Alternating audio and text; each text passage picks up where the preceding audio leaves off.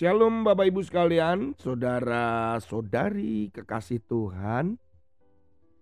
Firman Tuhan hari ini kita akan baca bersama-sama di dalam Amsal pasal yang ke-25 ayat yang ke-11. Ini ayat sering kali kita mendengar ya. Firman Tuhan berkata demikian. Perkataan yang diucapkan tepat pada waktunya adalah seperti buah apel emas di pinggan perak ayat ini memang ditujukan bagaimana setiap kata-kata yang kita keluarkan, kita sampaikan, dan itu waktunya tepat, maka itu sangat berguna, berarti sekali. Dari hal ini, saya mau menyampaikan sesuatu dan kita renungkan hari ini adalah begini.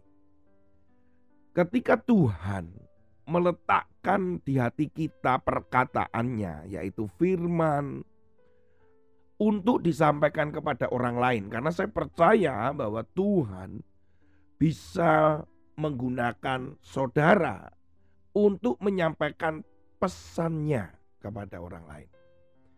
Maka jangan ditunda. Ini adalah waktu yang tepat dan kapannya itu adalah saat Tuhan ngomong kepada kita tentang seseorang dan kita harus berbicara kepadanya. Mungkin bagi orang itu perkataan ini atau perkataan kita itu bisa jadi negatif. Karena setiap perkataan Tuhan itu yang diletakkan di hati kita termasuk firman. Itu direspon orang itu atau telinga yang mendengar itu belum tentu senang. Kita ambil contoh di dalam perjanjian baru ketika Yesus mengatakan tentang roti hidup perkataan-perkataan Yesus tentang roti hidup atau perkataan Yesus kepada orang-orang Farisi itu juga keras. Sehingga Yesus berkata kepada murid-muridnya saat Yesus berbicara tentang roti hidup itu bahwa ke mana mereka? Artinya banyak yang meninggalkan Tuhan. Gara-gara perkataan Yesus. Iman mereka terguncang. Tetapi Sebaliknya, Yesus juga pernah mengatakan hal-hal yang lembut, yang enak sepertinya didengar oleh telinga kita. Saudara kekasih di dalam Tuhan, kalau kita menyampaikan itu, perkataan-perkataan perintah firman kepada orang lain, bagi kita mungkin waktunya tepat, tetapi bagi orang lain belum tentu. Saya dan istri saya pernah ketika itu terus bergulat ya di dalam hati karena itu orang yang dekat dengan kami. Untuk menyampaikan pesan ini harus hati-hati begitulah intinya. Tapi ini sangat sensitif sekali Saudara. Karena ini terang terjadi dengan pembuktian-pembuktian yang ada.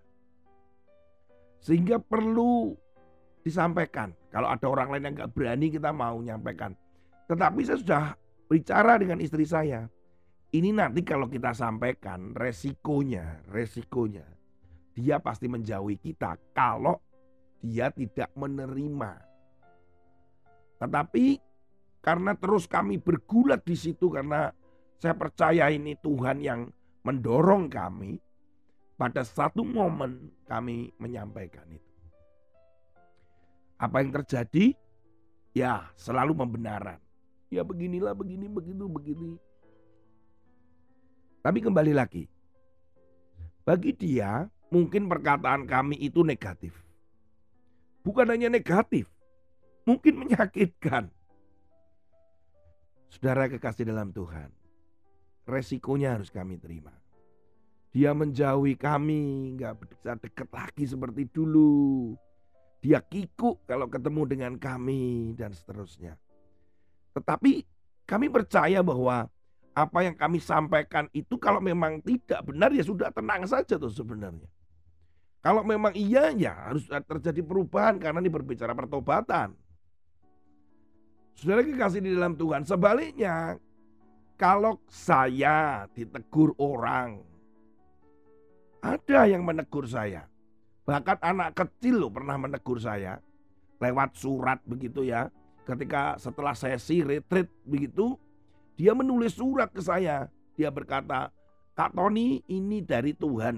Dia menulis beberapa ayat. Ya, kemudian saya baca, saya menerima loh saudara, saya menerima. Oh terima kasih Tuhan. Bukan karena anak ini yang kecil, tetapi saya percaya bahwa Tuhan sedang berbicara lewat anak ini.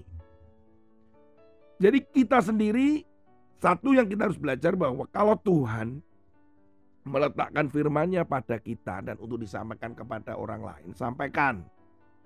Yang kedua, kalau kita menerima menerima teguran, menerima perkataan Tuhan lewat orang lain, lihat hamba Tuhan, lewat uh, khotbah, lewat renungan hari ini, misalkan apa pun teguran itu mungkin menyakitkan, mungkin negatif menurut kita. Tetapi yang lebih indah adalah kita duduk, diam, merenung dan Tuhan, kalau itu memang untuk saya berikan kerendahan hati. Itu rendah hati untuk menerima, rendah hati untuk mendengar, rendah hati untuk melakukan. Saudara kekasih di dalam Tuhan, mari kita bersama-sama meresponi semua yang adalah firman Tuhan.